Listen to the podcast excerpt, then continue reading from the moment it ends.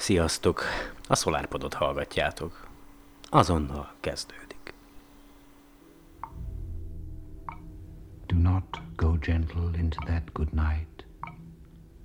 Old age should burn and rave at close of day. Rage, rage against the dying of the light. Though wise men at their end know dark is right, because their words had forked no lightning, they do not go gentle into that good night. Good men, the last wave by, crying how bright their frail deeds might have danced in a green bay. Rage, rage against the dying of the light. Wild men who caught and sang the sun in flight, and learned too late they grieved it on its way. Do not go gentle into that good night. Grave men near death who see with blinding sight, blind eyes could blaze like meteors and be gay. Rage, rage against the dying of the light. And you, my father, there on the sad height, curse, bless me now with your fierce tears, I pray. Do not go gentle into that good night. Rage, rage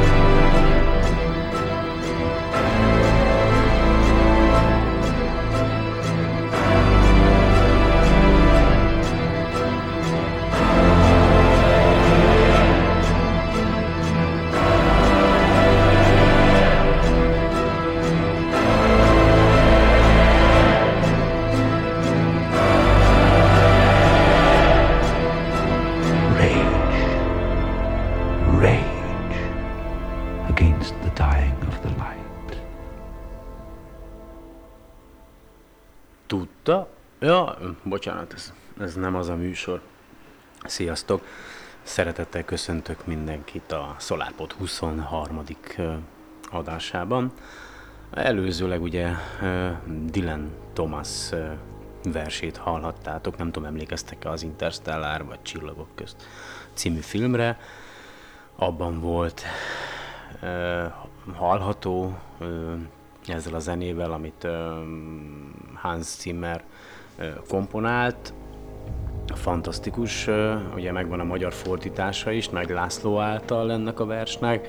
Gondolkodtam azon, hogy felolvasom a zenére, de hát az én hangom az nem ilyen jó, mint az előbb hallottak, úgyhogy meg magyarul talán nem is szól olyan jól ez a vers, mint, mint angolul. Nem. Hú. Ja, próbáltam, vagy próbálok rá hangolódni most a, az adásra. Ugye azon tűnődtem, mielőtt most így elkezdtem volna ezt az egészet, hogy, hogy miért vágyok el erről a bolygóról. Tehát miért vágyakozom el innen, hogy azért, mert mondjuk ilyen mondjuk egy szerencsétlen hülye vagyok, és mondjuk kevésbé sikeres itt az emberi társadalomban, és, és azért azt hiszem, hogy, hogy esetleg máshol, egy másik világban mondjuk több lehetek, nem tudom, vagy, vagy, vagy egyszerűen csak azért vágyom el, mert, mert ez az alapvető természetünk, és lehet, hogy alapvetően nem is ide tartozunk. Nem tudom, nem tudom, elgondolkodtató, hogy ugye bent a munkahelyemen is most éjszakás vagyok, majd megyek estére dolgozni, és azért mm, most már két napja képzeljétek el, minden este ugye, hát egy, el kimentem egy rágyújtani, és ugye kémleltem az eget, a hideg front után elég szép idő volt, és van az Enif nevű csillag, a Pegasus csillagképben, ami tőlünk 673 fényévnyire van, legalábbis a, a program szerint. Az ott közel van a Delfin csillagképhez egyébként, hogyha felnéztek. Majdnem a zenitbe van olyan fél tizenkettő, sőt, éjszaka, tehát inkább éjfél, éjfél felé, itt az óra szerint, ugye akkor készítettem a, a képet, és uh, tegnap előtt azt láttam, nevezhettek hülyének, vagy aminek akartok, teljesen mindegy, de tényleg láttam, és már nem először, és hogy felnéztem erre a zenifre, és a csillag körül, most csak hát pont ezen a ponton, felvillanások voltak, mint hogyha egy ilyen műhold lenne, ami ugye ami forog, és akkor a, a napelemekről visszaverődik a, a napfény ide a földre, de, de, de nem, nem, nem az volt, hogy haladt egy irányba, hanem felvillant egy helyen, aztán innen a földről nézve a csillaghoz képest fel 10 centivel arrébb egy irányba, aztán 20 centivel arrébb egy másik irányba, de ilyen néhány másodperces intervallumokkal, aztán vissza lefelé megint felvillant, aztán megint egy másik irányba felvillant, aztán megint felvillant, és ezt megcsinálta legalább tízszer, nem hazudok nektek, aztán elindult egy irányba, és elkezdett halványodni a felvillanás, pek, pek, és aztán eltűnt. Érdekes. Aztán utána rá egy kicsivel még felvillant, és tegnap este megint megpróbáltam ugyanabban az időben kimenni, és hát lehet, hogy csak képzelődtem, vagy csak akartam látni, de egyetlen egy felvillanást láttam, nem tudom, fogalmam sincs, hogy mi ez, ugye már még a, talán a második vagy a harmadik adásban is mondtam, hogy hogy láttam valamit, nem tudom, fene se tudja, hogy egyedül vagyunk-e vagy sem. Uh, miről lesz szó a mai adásban? Hát igen, erről, hogy megyünk a Marsra, a kérdés csak az, hogy mikor, most renget, tehát most már nagyon sokan, rengeteg magánvállalat, plusz a NASA, plusz az oroszok is nagyon rajta vannak az ügyön, hogy ember juthasson el a Marsra. A kérdés csak az egyébként, hogy mikor és hogyan. Most a minap hallgattam egy podcastot, a Startalknak a, a, a podcastját, a Massimio, ugye? Igen, igen, mindjárt mondom, mert csak leírtam magamnak. Igen, Mike, Mass, Mike Massimino űrhajós volt épp a műsorvezető, és egy NASA főnökkel, emberi erőforrás fő kutatójával folytattak egy beszélgetést arról, hogy ugye a NASA mikorra tervezi azt, hogy ember jusson a Marsra, és hogy milyen akadályokat kell lekülden, leküzdeni azért, hogy, hogy eljuthassunk a Marsra. Hát a, a NASA-nak a tervei az 2030, Elon Musk már 2025-öt akar, de hogy nagyjából összerakjam nektek a képet, az van, hogy ugye a NASA-t a kongresszus hivatalosan még nem kérte fel arra, hogy embert küldjön a Marsra, egyelőre csak azt vizsgálják, hogy milyen módon, hogyan ö, tudnak feljuttatni, egy eljuttatni embert a, a Marsra, milyen, mik azok az akadályok, ugye a, egyrészt ugye a kozmikus sugárzásra még utaznak, az utazás a Marsra oda-vissza az durván 6-6 hónap, attól függ egyébként ugye, mindig vannak ilyen úgynevezett kapuk, amikor űrhajókat lehet indítani a Mars felé, ezek hiszem talán legalábbis én úgy láttam, hogy két évente vannak, tehát amikor gyakorlatilag így a, közel vagyunk a Marshoz, és akkor el tudjuk indítani a, a, az űrhajónkat, ami aztán ugye olyan durván fél év alatt, nyolc hónap alatt, vagy akár van, hogy több mint egy év alatt jut el magához a, a bolygóhoz. Aztán a NASA-nak ugye az elméleti terve az, hogy oda küldenek 5-6 embert egyrészt ugye ezzel a mostanában még fejlesztik ezt a Space Launch System, vagy ez az újfajta, űr, újfajta űrkilövő rendszer, amit majd 2018-ba terveznek, azt hiszem élesbe kipróbálni, és akkor ugye lesz az Orion űrkapszulájuk, tehát ugye a NASA-nak ez az Orion űrkapszulája van, amelyel fel tudnak küldeni majd embereket egy a Föld körül, vagy ugye, ahogy már korábban is említettem, lehet, hogy a Hold körül keringő egy ilyen űrszállító eszközre, amely aztán tovább viszi őket a Mars felé, a hat hónapos utazásukra, és aztán, ha megérkeznek a Marsra, akkor ott elméletileg 18 hónap a tervezett ö, időtartam, amit ott töltenek, különböző ugye, vizsgálatokat elvégezni, ö, az élet után kutatni, stb. stb. stb. Na most ugye azért küldjük a robotokat elsősorban, mert ö, mi emberek, ugye, ahogy mondták is, az űrruhájukban tehát szivárgunk, tehát ö, teljesen mindegy, megfertőzhetjük a, a marsi bolygót, tehát hogy azért nem jó elsősorban embereket küldeni az élet felkutatására egy, mondjuk ide a marsra, mert mi magunkkal is viszünk ugye mikrobákat, stb. stb., amelyek az űrruhán keresztül kijuthatnak a marsi felszínére, vagy a, légkörbe, és aztán meg lehet, hogy egy téves azonosítás történik, tehát hogy nem, nem, tehát hogyha ember mér mondjuk életet a Marson, akkor az nem biztos, hogy hiteles, mert lehet, hogy innen a Földről vittük oda, ezért jó, hogy robotok vannak ott, vagy ilyen roverek, ugye űreszközök, amelyek ugye el tudják végezni a, a különböző méréseket, de hát ugye azoknak sem elkerülhetetlen a, a fertőzöttsége, de mindent megtesznek egyébként a, a NASA-nál, meg a különböző ilyen űrhivataloknál, hogy hogy ezeket a fertőzéseket elkerüljék, tehát a lehető legjobban megpróbálják lefertőtleníteni ezeket az űreszközöket, illetve hogy a tiszta térben dolgoznak az összeszerelésekor és a becsomagoláskor, tehát minimális az esély annak, hogy, hogy, hogy innen a Földről valamilyen életformát vigyenek magukkal, de másik téma, hogy ugye amit le kell küzdeni az a kozmikus sugárzás, aztán a hosszú utazás alatt a súlytalanság, tehát ugye azért az ugye általában a nemzetközi űrállomáson fél évet töltenek az űrhajósok, és azért az eléggé megviseli őket, mikor mondjuk megérkeznek vissza a Földre. Ugyanakkor ugye azért a marsi gravitáció egy kicsivel jóval hát kisebb, mint a, a földi ö, gravitáció, nem tudom, hogy pontosan 4, 4, 6, 6, 6, 6, 6, 6 tehát hú, majd, hát nem is ú, nem tudom pontosan most mennyi, de nagyon pici a marsi gravitáció, és a lényeg az, hogy az, most ugye a utazással kapcsolatban, meg ezzel kapcsolatban, hogy milyen hatással van a súlytalansága az űrősokra, olvastam egy cikket, bár most nem találom, hogy az oroszok egy olyan ö, újfajta nukleáris hajtóműven ö, dolgoznak, amelyet majd ő szintén 2018-ban szeretnének ö, ö, tesztelni, és a cél az lenne, hogy ennek a meghajtónak, vagy rakéta meghajtónak, vagy nem tudom minek a segítségével 6 hét alatt el lehetne jutni az eddigi elmélet szerint a Marsra, és az egy olyan meghajtó lenne, amelyel az űrhajót irányítani is lehetne, tehát egy olyan nukleáris meghajtó, amelyel az űrhajó ugye irányváltani is képes lenne, és hát a tesztek 2018-ban kezdődnek, legalábbis a hír szerint, és ha minden jól megy, akkor mire odáig jutunk, hogy embert küldjünk a Marsra, addigra talán lehet, hogy az oroszok fogják biztosítani hozzá magát a, a meghajtó művet, és akkor nem fél évig tart majd egy Mars utazás, hanem, hanem jó esetben csak 6 hétig, azért az nem, nem olyan sok egyébként, hát ahhoz képest, a fél évhez, meg a 8 hónaphoz képest, de Benne volt még ebben a, a műsorban, hogy majd szeptemberben ö, lesz majd egy ilyen konferencia, amelyet az Elon Musk, ö,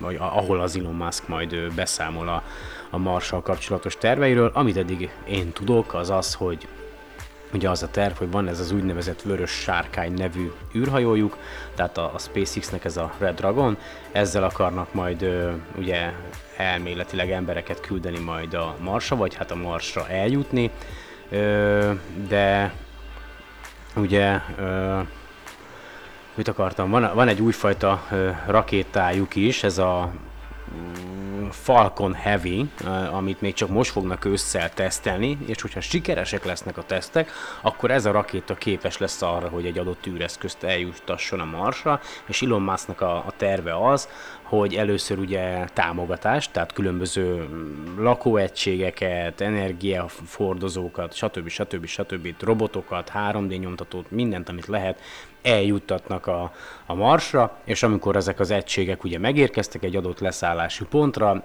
és megtörténik ott, gondolom robotok majd elkezdik ugye kicsomagolni, felépíteni, az oda küldött, vagy, a, vagy ott helyben található nyersanyagokból a, a lehetséges marsbázisnak az alapjait, ugye ha már itt tartunk, hogy marsbázis, ugye, akkor rengeteg magánvállalat foglalkozik azzal, hogy hogyan lehetne minél jobb és ugye kisebb helyen elférő, la, tartósabb lakóegységeket létrehozni. Lásd ugye Bigelow Airspace, a, akinek most ö, fent van a, a felfújható lakómódulja a nemzetközi űrállomáson egy két éves tesztre, tehát én azt látom, jó esetben függetlenül attól, hogy azért itt egymásnak feszülnek, a fent említett nemzetek, valahol a háttérben azért mégiscsak van egy ilyen együttműködés, és, és lehet, hogy ez egy ilyen közös világi projekt lesz majd a Mars utazás.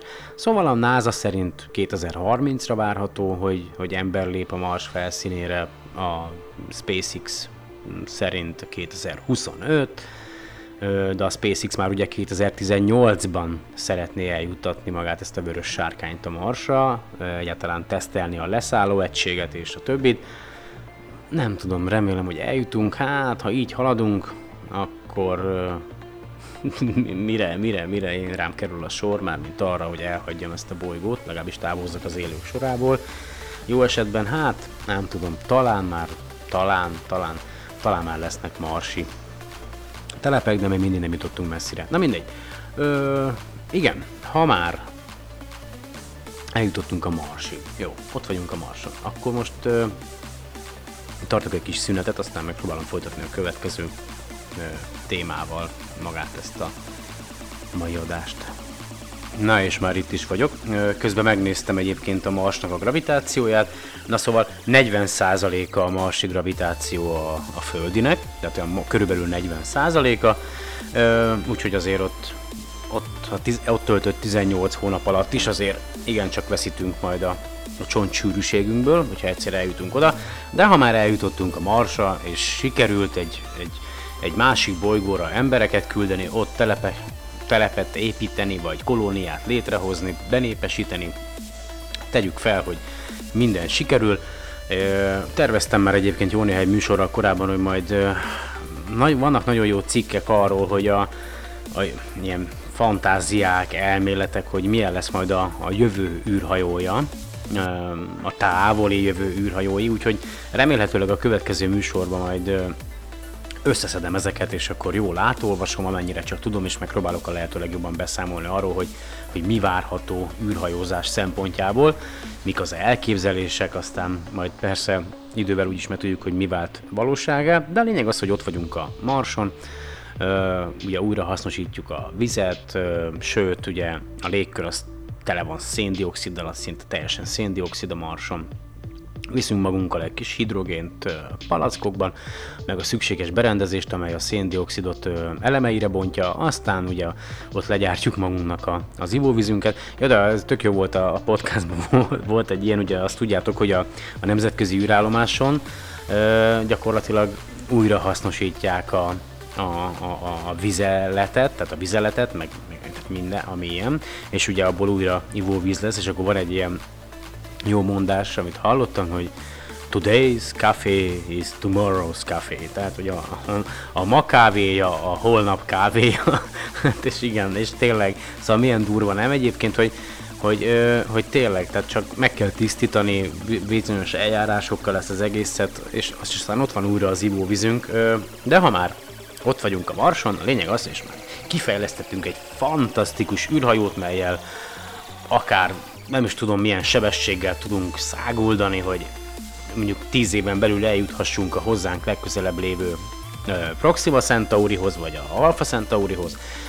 Azt is kiküszöböltük, hogy az űrhajónkat megvédjük az esetleges mikrometeoritoktól, illetve a különböző apróbb űrben levegő akármiktől, hogy nehogy szétroncsolják vagy felrobbantsák az űrhajót, tehát sikerült egy ilyen védőpajzsot is létrehozzunk, akkor ugye eljött az idő arra, hogy felkutassuk a földszerű bolygókat, amelyek ugye viszonylag közel ö, vannak hozzánk, és enne, erre, erre a célra ö, a Londoni Egyetem kutatói elkészítették a, a Robert névre keresztelt úgynevezett mesterséges intelligenciáját, intelligenciát.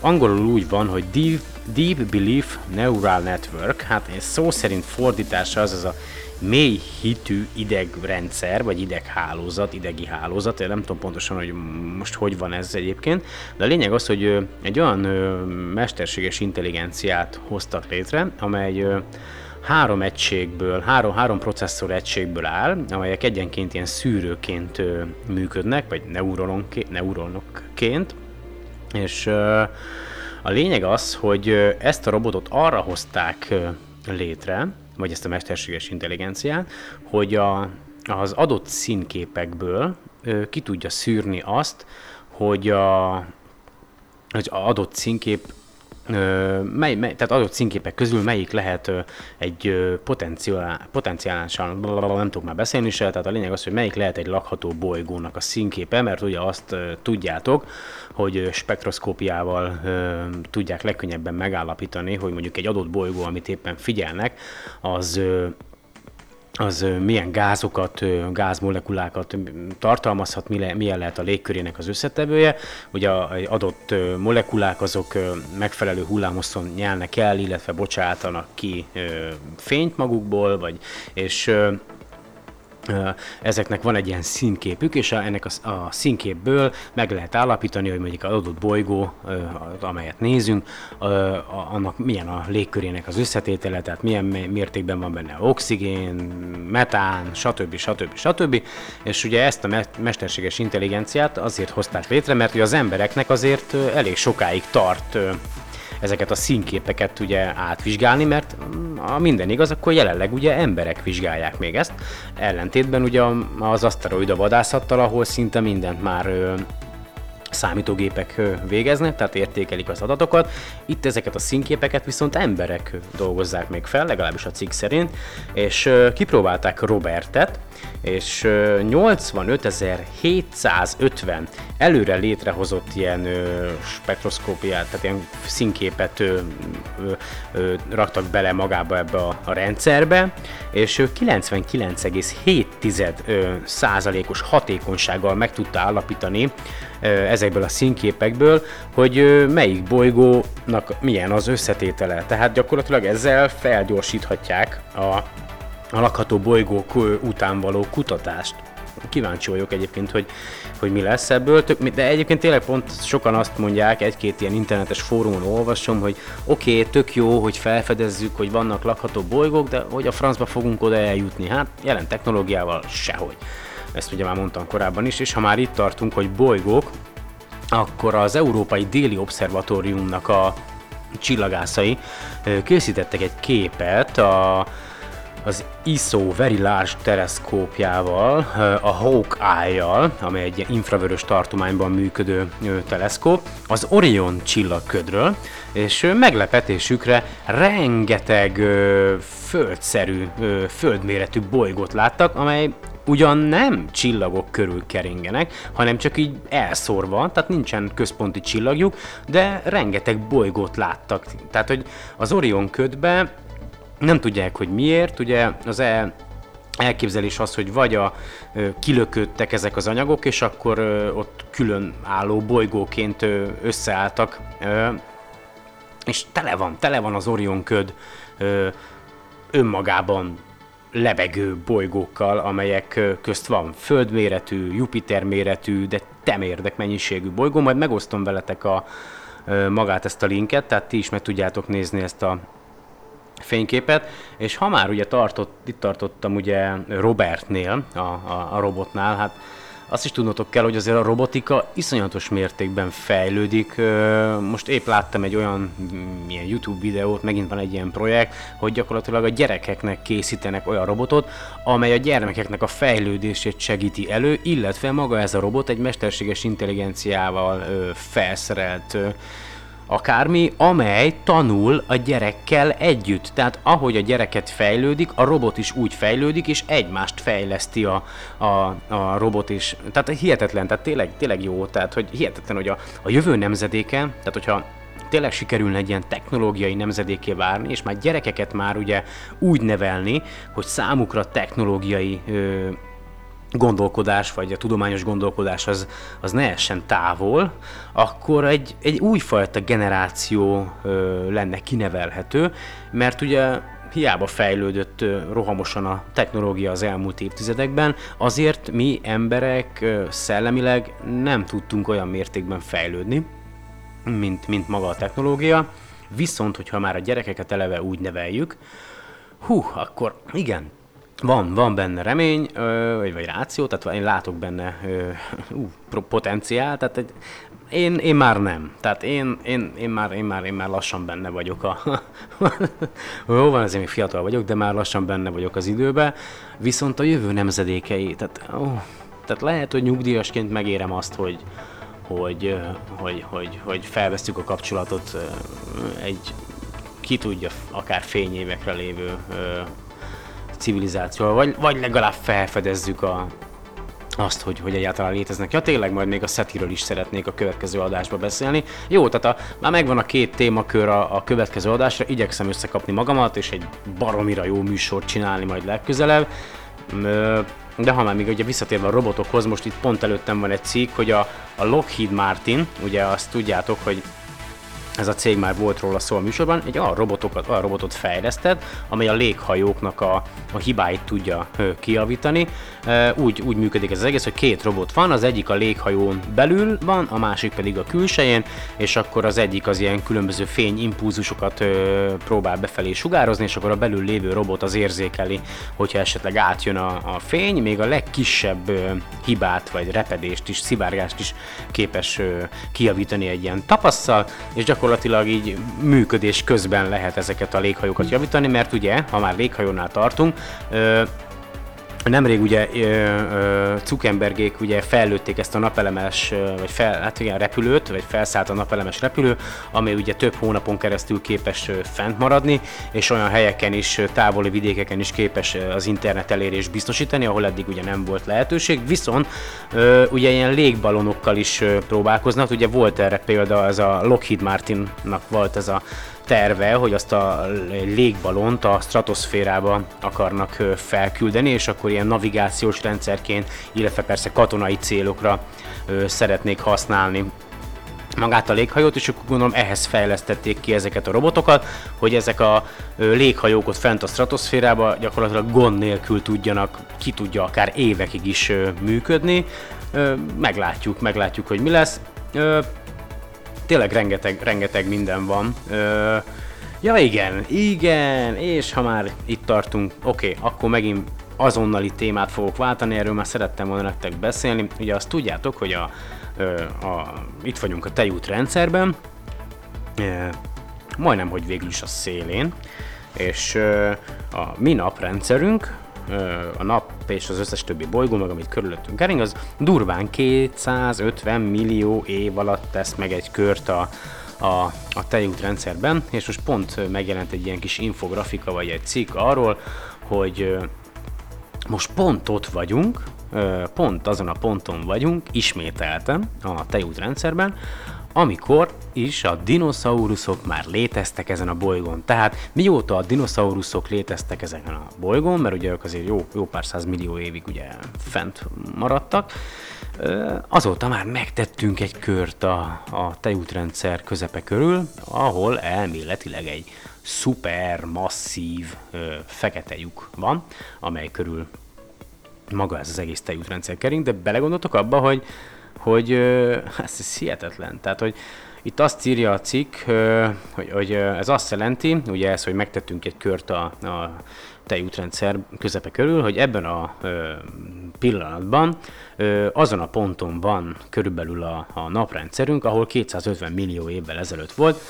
Ma, ugye ezen a ponton a történelem szerint volt a Permian triasszik kihalás, a legkatasztrofálisabb kihalási folyamata a bolygónk öt tömeges kihalási eseményéből, amikor is a 90%-a a tengeri élőlényeknek és 70%-a a földi élőlényeknek ugye kihalt. Ö, aztán, hogy is volt, igen, Transit Period Begin, Bringing with a Grasshoppers, jaj, tényleg, izé, szöcske. E, igen, de föld mammals, oké, okay, tehát hogy ezután a kihalás után került a, a bolygóra, vagy jelent meg a bolygón ugye a, az Archosaurus, a Vit Archosaurus, igen, tehát hogy jöttek az Archosaurusok, aztán a kezdetleges ugye szöcskék, Grasshoppers, és, és végül az első emlősök, igen, igen, igen, igen, amelyek egy hatalmas szuperkontinensen éltek, a Pangaean, vagy Pangaea, igen, Pangea, azt mondja, és akkor következő 250 millió év alatt visszaérkeztünk ugye erre pontra a tegyútrendszerben, és ennyi igazából. Tehát, hogy tehát jelen, jelen állás szerint, ahol vagyunk, 250 millió évvel ezelőtt ezen a ponton történt egy iszonyatosan nagy kihalási hullám a Földön. Reméljük, hogy most nem fog megtörténni, nagyon bízom benne, és akkor visszakanyarodnék ugye a múlt heti adásban ahhoz a rá se tud ilyen olvasott cikkhez. A lényeg az, hogy ez a, a Planet X-nek a 20 akárhány milliós keringési ideje az az asztrofizikus szerint van. A többi kutató szerint a, a hivatalos információk szerint a, a 9. bolygó, a feltételezett 9. bolygónak a keringési ideje az 10 és 20 ezer év között van egyébként. Én csak azt mondtam be a múltkori adásba, amit ebben a cikkben olvastam, amit maga ez a asztrofizikus állít, ugye. Nem tudom, miről beszéljek még, már igazából lassan majd össze kell raknom egyébként a magát ezt az egész műsort, aztán indulok dolgozni. Ja igen, még egy másik hír, hogy ö, ezt még jó, hogyha most beolvasom nektek. Augusztus 19-én ö, azt mondja, hogy Eastern, tehát az amerikai keleti, igen, keleti idő, tehát a keleti parti idő szerint 6, ha, reggel 6.30-kor, majd nézzétek a NASA TV-n a, az élő közvetítést, mert az űrhajósok, akik fent vannak a nemzetközi űrállomáson, majd tesznek egy űrsétát, amely keretében feltelepítenek, felszerelnek egy az űrállomás egyik ilyen dokkoló pontjára egy ilyen kiegészítő eszközöket, amely majd lehetővé teszi azt, hogy egyéb kereskedelmi űrhajók is rácsatlakozhassanak a, a nemzetközi űrállomásra a későbbiekben. Tehát a lényeg az, hogy lesz egy ilyen, kimennek, felszerel, felszerelnek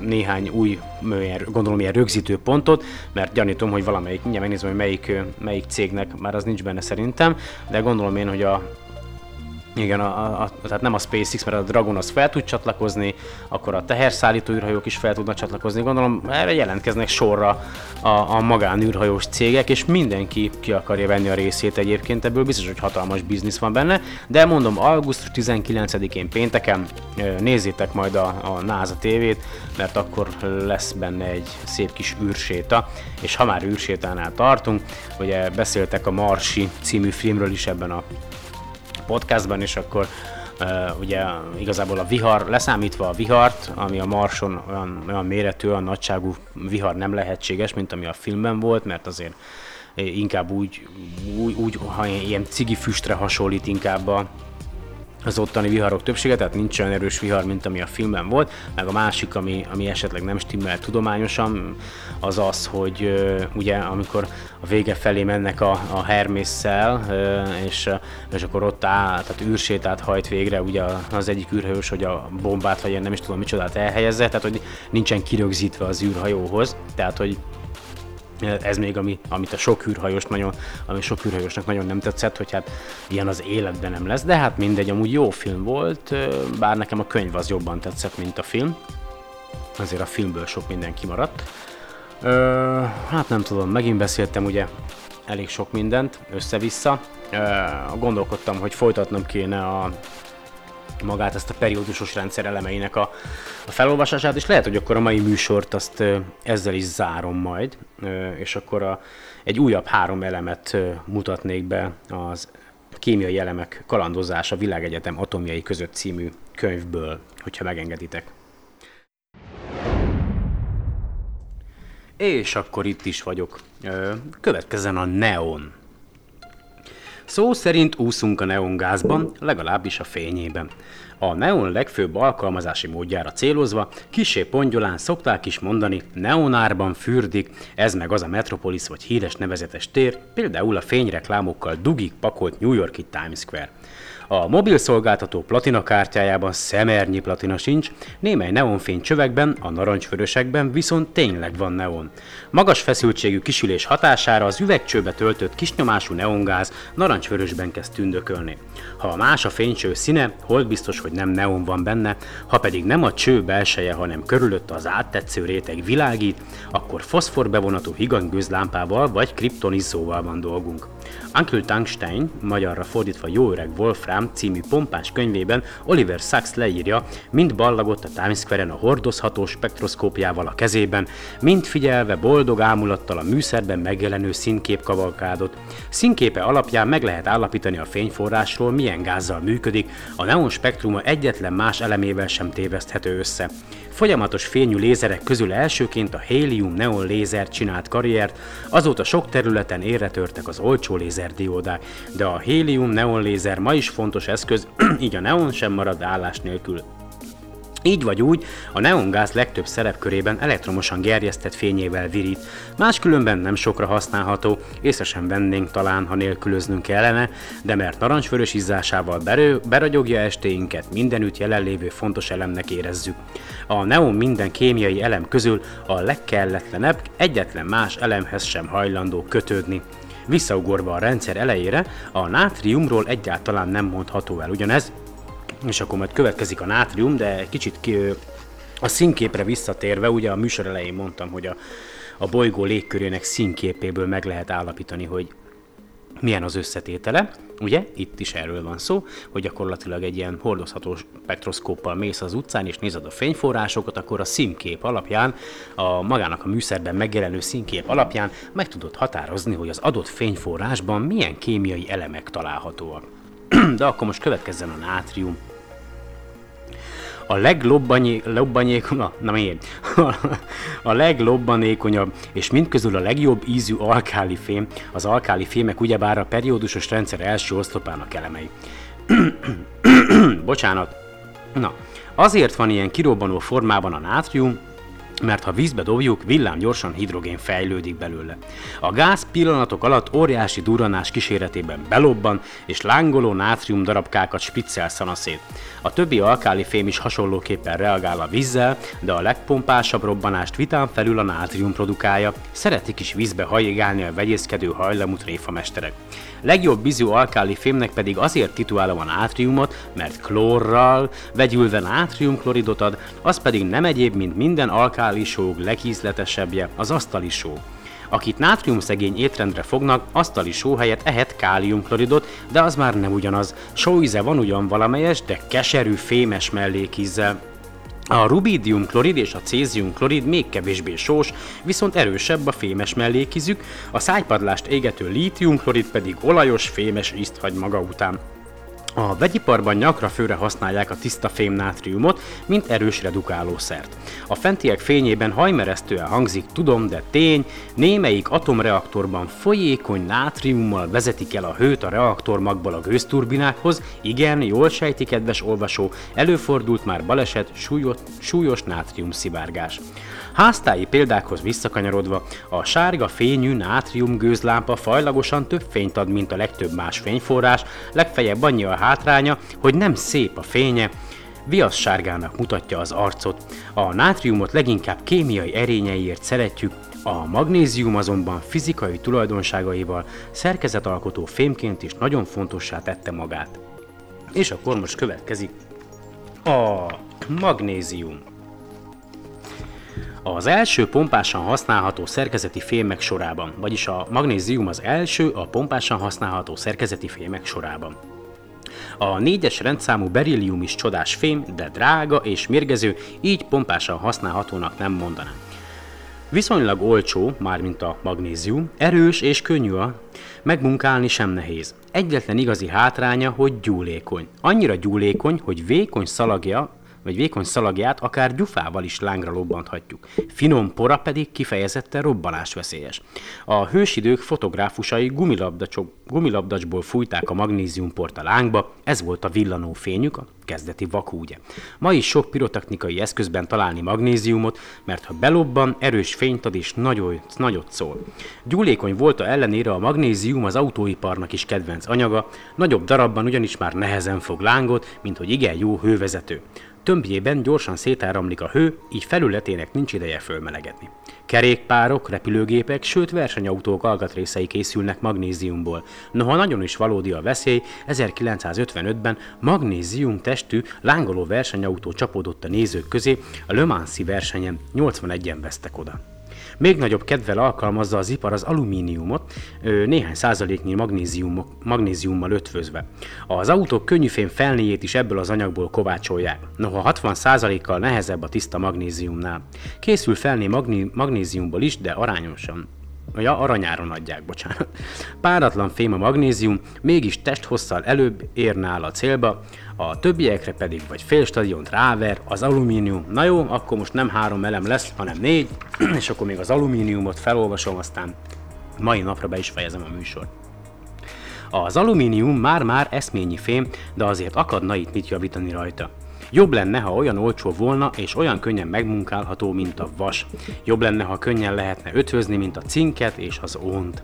De mindent egybevéve nagyon jó kis fém az alumínium, könnyű és erős, a polgári repülésben használt gépek kitűnő szerkezeti alapanyaga. Másfelől nem olyan drága, így mindennapi árucik, háztartási holmi is garmadával készülhet belőle. Megjegyzem, a régi időkben az alumínium nemes fémnek számított, az arany, de legalábbis az ezüst árkategóriájába tartozott. Harmadik Napóleon legfontosabb vendégei alumínium tányérból faltak, a hercegeknek, grófoknak be kellett érniük az aranyedénnyel. Az alumínium legfőbb erénye az acéllal szemben, hogy nem rozsdásodik. Meglepőnek tűnhet ez az állítás, ha tudjuk, hogy a levegő oxigénjével még gyorsabban lép reakcióba, mint a vas, a különbség annyi, hogy levegőn fejlődő oxid bevonata megvédi az alumíniumot. Az alumínium oxid, más néven korund, egyike a legkeményebb anyagoknak. A vas viszont botor módon könnyen porló, vörös oxidrétegbe öltözik, ha az a bevonat lepereg, kibukkan a hamar oxidálódó, rozsdásodó tiszta fémvas. Korund rétege alatt azért az alumínium erősen reakcióképes fém. Poralakban könnyen belobban, jól használható tűzijátékban, rakéta üzemanyagban. Bizonyos szemcseméret alatt nem is szabad árusítani, mert balesetet okozhat. Alumínium ásványokból akad bőven, az egyik leggyakoribb a korund, a rubin és a zafír közönséges alakja. A másik a beril, a smaragd és az akvamarin pórib formája. Az alumínium és ásványai teszik ki bolygón kérgének jelentős részét, ugyancsak fő összetevője a földkéregnek, a táblázat szomszédos eleme a szilícium, de azt majd egy másik adásban. Nagyon szépen köszönöm, hogy ma is meghallgattatok. Igyekszem egyébként, bár szerintem majdnem, hogy minden adásban elmondom, hogy igyekszem összeszedni magam. Még szerencse egyébként, hogy kevesen hallgatjátok a podcastot, úgyhogy nem kell attól tartanom, hogy hogy sok embernek megyek az agyára. Köszönöm szépen még egyszer, hogy meghallgattatok, aztán még összerakom egy kicsit, meg feltöltöm, és aztán vagy lehet, hogy később töltöm fel, és utána megindulok dolgozni. Ez a hétvége ez most ilyen lesz, rövid váltással, aztán eléggé felhősnek tűnik az ég, biztos, hogy este látok ö, megint ilyen felvillanásokat, de viszont egy-két meteort azért, azért láttam az elmúlt két napban, bár nem volt olyan mértékű egyébként ez a Perseida, legalábbis itt Budapest felett, mint amelyet beharangoztak, de, de elviselhető volt azért lehetett látni egy-két szép, szép meteort. Na jó van, további szép napot, kellemes jövő hetet kívánok nektek, az elérhetőségeimet Szerintem nem kell elmondanom, de azért elmondom, tehát az e-mail cím a solarpod2016 Skype-on megtaláltok, mint solarpod2016, aztán persze Soundcloudon is, ugye ott hallgatjátok jelenleg a műsort, vagy esetleg RSS formában is el tudtok érni, le is tudjátok tölteni az adást, ott is meg tudjátok hallgatni, aztán meg fent van az egész Twitch-eren, meg, meg a meg még ki tudja még hol, a radio.net-en, annyi helyen, hogy azt el se tudjátok képzelni. Na mindegy. Ja, jó kis buli ez, legalább egy kicsit lefoglalom magam ezzel a podcast készítéssel, ha már ha már egy ilyen nagyobb projektben nem tudok részt venni. Ha kéne, kéne, kéne, egyetemre kéne menni, de hát basszus, ja, örülök, hogy egyáltalán fennbírom magamat tartani. Oh, na jó van, sziasztok, köszönöm szépen még egyszer, hogy meghallgattatok, jövő héten találkozunk.